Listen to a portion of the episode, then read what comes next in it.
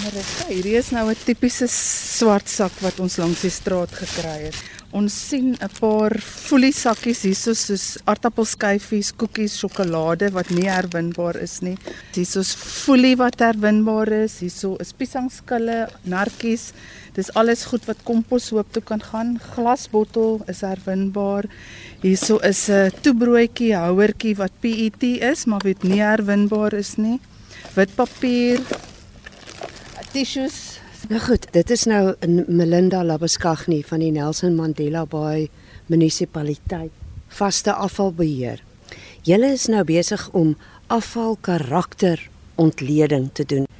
Hoekom is dit so noodsaaklik en, net so vinnig as jy na hierdie saak kyk? Wat sou jy sê is hierdie karakter en dan ook hoekom is dit so belangrik? As ek vinnig na hierdie sak kyk, sal ek sê dis 'n doodnormale sak wat jy by enige huis sal optel want hy het ietsie van alles in.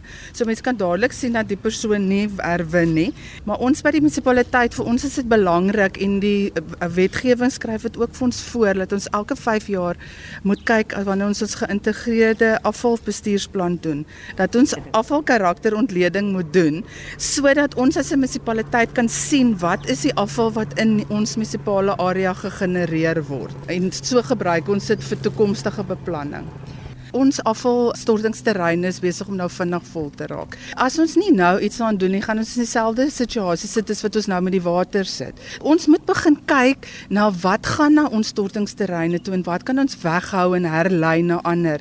So 'n afvalontlediingsplan laat jou kyk watse tipe afval word gegenereer in die metro en dan hoe kan ons as 'n munisipaliteit help om dit weg te lei van ons stortingsterreine? En hoe doen julle dit? al ons residensiële areas het ons verdeel in 'n hoë, medium en in lae inkomste groepe.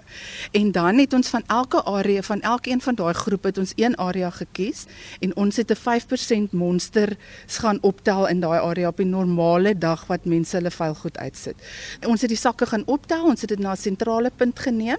Elkeen natuurlik op 'n aparte dag. So jou hoë inkomste groep was op een dag en jou middel en jou laag sodat ons dit nie deurmekaar gemaak het nie.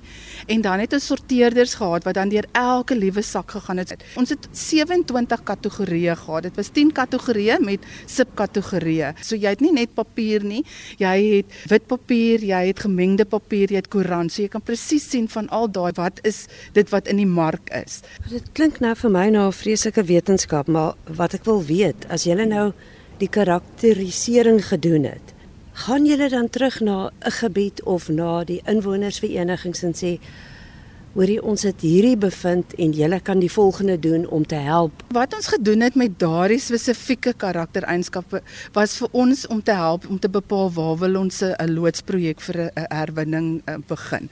So ons kon spesifiek kyk na watter area sal vir ons redelike hoeveelheid herwinning uit 'n geslote area uitgee. Ons wou dit nie doen in 'n area waar daar baie aangrensende areas is. Dis hoekom ons die Westering area gekies het.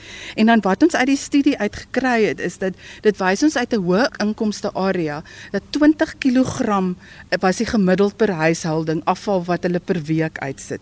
In die middelinkomste area was dit omtrent 14 kg en in die lae inkomste area was dit net onder 9 kg. So hoe ryker jy is, hoe meer mors jy ek sal nie sê noodwendig mors nie, maar ek dink hoe meer koop jy want wat ons wel gesien het is dat uit 'n hoë inkomste area is was 37% van daardie afval wat herwinbaar is. So alhoewel jy meer koop, is daar ook meer herwinbare afval.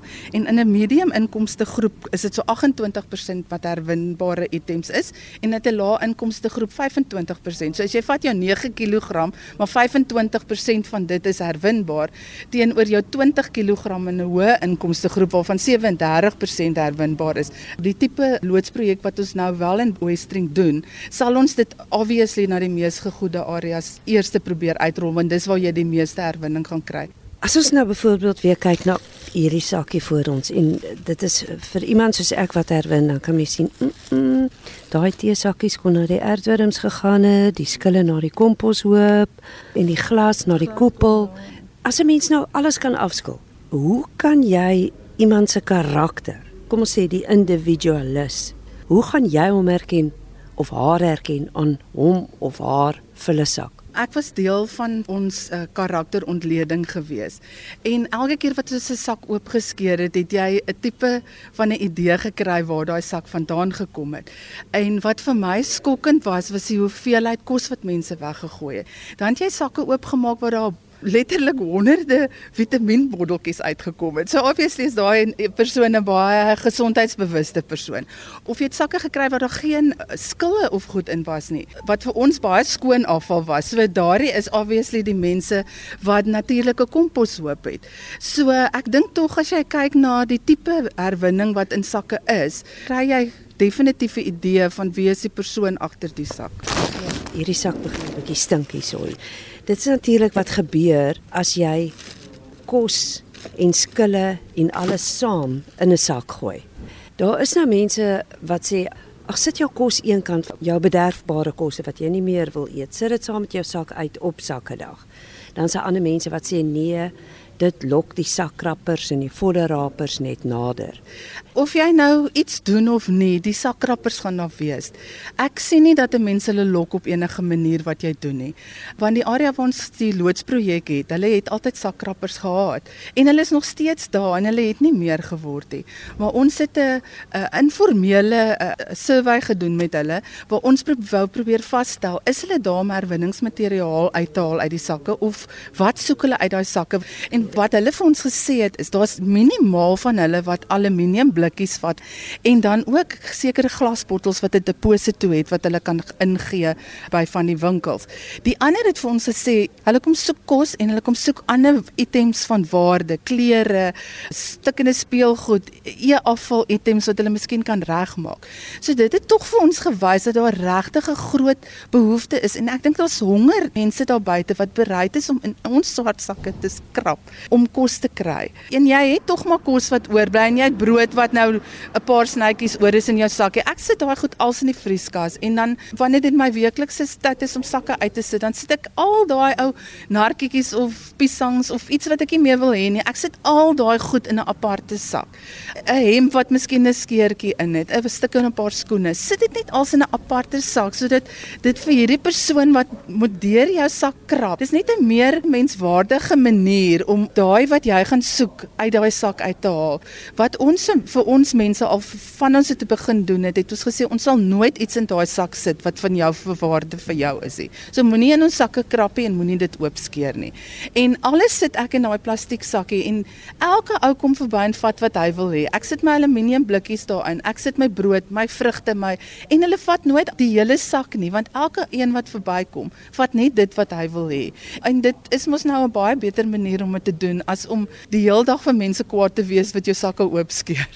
Maar is dit nie verskriklik moeilik? As 'n mens kyk na hierdie ek meen herwinning word nou al jare gepredik. En as mense hierna kyk dan lyk dit vir my asof 'n mens half 'n verlore stryd voer om mense herwinningsbewus te kry vir ons by die munisipaliteit, ons is nou regtig maar eers uh, jy kan sê 8 maande wat ons regtig in dit is. En vir ons vind dit baie moeilik want jy kry mense wat begin het met die projek en dan binne 8 maande dan sê hulle nee, hulle hulle is nou af van die projek af. So hulle kom agter, hulle moet ook 'n bietjie moeite van hulle alhoewel ons dit so maklik as moontlik vir hulle maak deur net een sak te gee waarin al hulle herwinningsartikels moet gaan.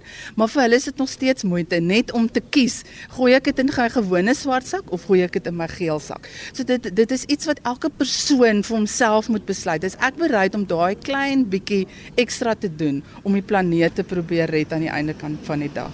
Of die stortingsterreine langer te laat hou en dit is soos die mense wat al vroeg genoeg watertanks ingesit het met die droogte wat ons nou hier sonder water sit. Kan mens nou letterlik sien elke bietjie help. Definitief. En en ek dink dit is iets wat mense moet besef en ons is besig met 'n hele roll out wat ons probeer om mense bewus te maak dat stortingsterreine nie vir ewig gaan hou nie. En die persoon wat neerwin nie. Wat sou jy sê wat is die karaktertrekke as mense dit so kan sê? Ek dink jy selfsugtig as jy nie nou al kennis geneem het dat daar iets besig is om te gebeur in die wêreld en ook in ons metro nie. Ons kla al klaar oor onwettige storting wat in ons woonbuurte plaasvind. Maar wat gaan gebeur die dag as daar nie meer 'n stortingsterrein is nie? Hoe gaan ons dorp lyk? Hoe gaan ons stad lyk? Ek en jy sit hier in 'n parkie en elke behalwe vir die papiere wat ons nou hier uitgekrap het, dis skoon, maar wat gaan gebeur as daar nie meer 'n stortingsterrein is? Jy gaan jy nog sulke skoon parkies hê?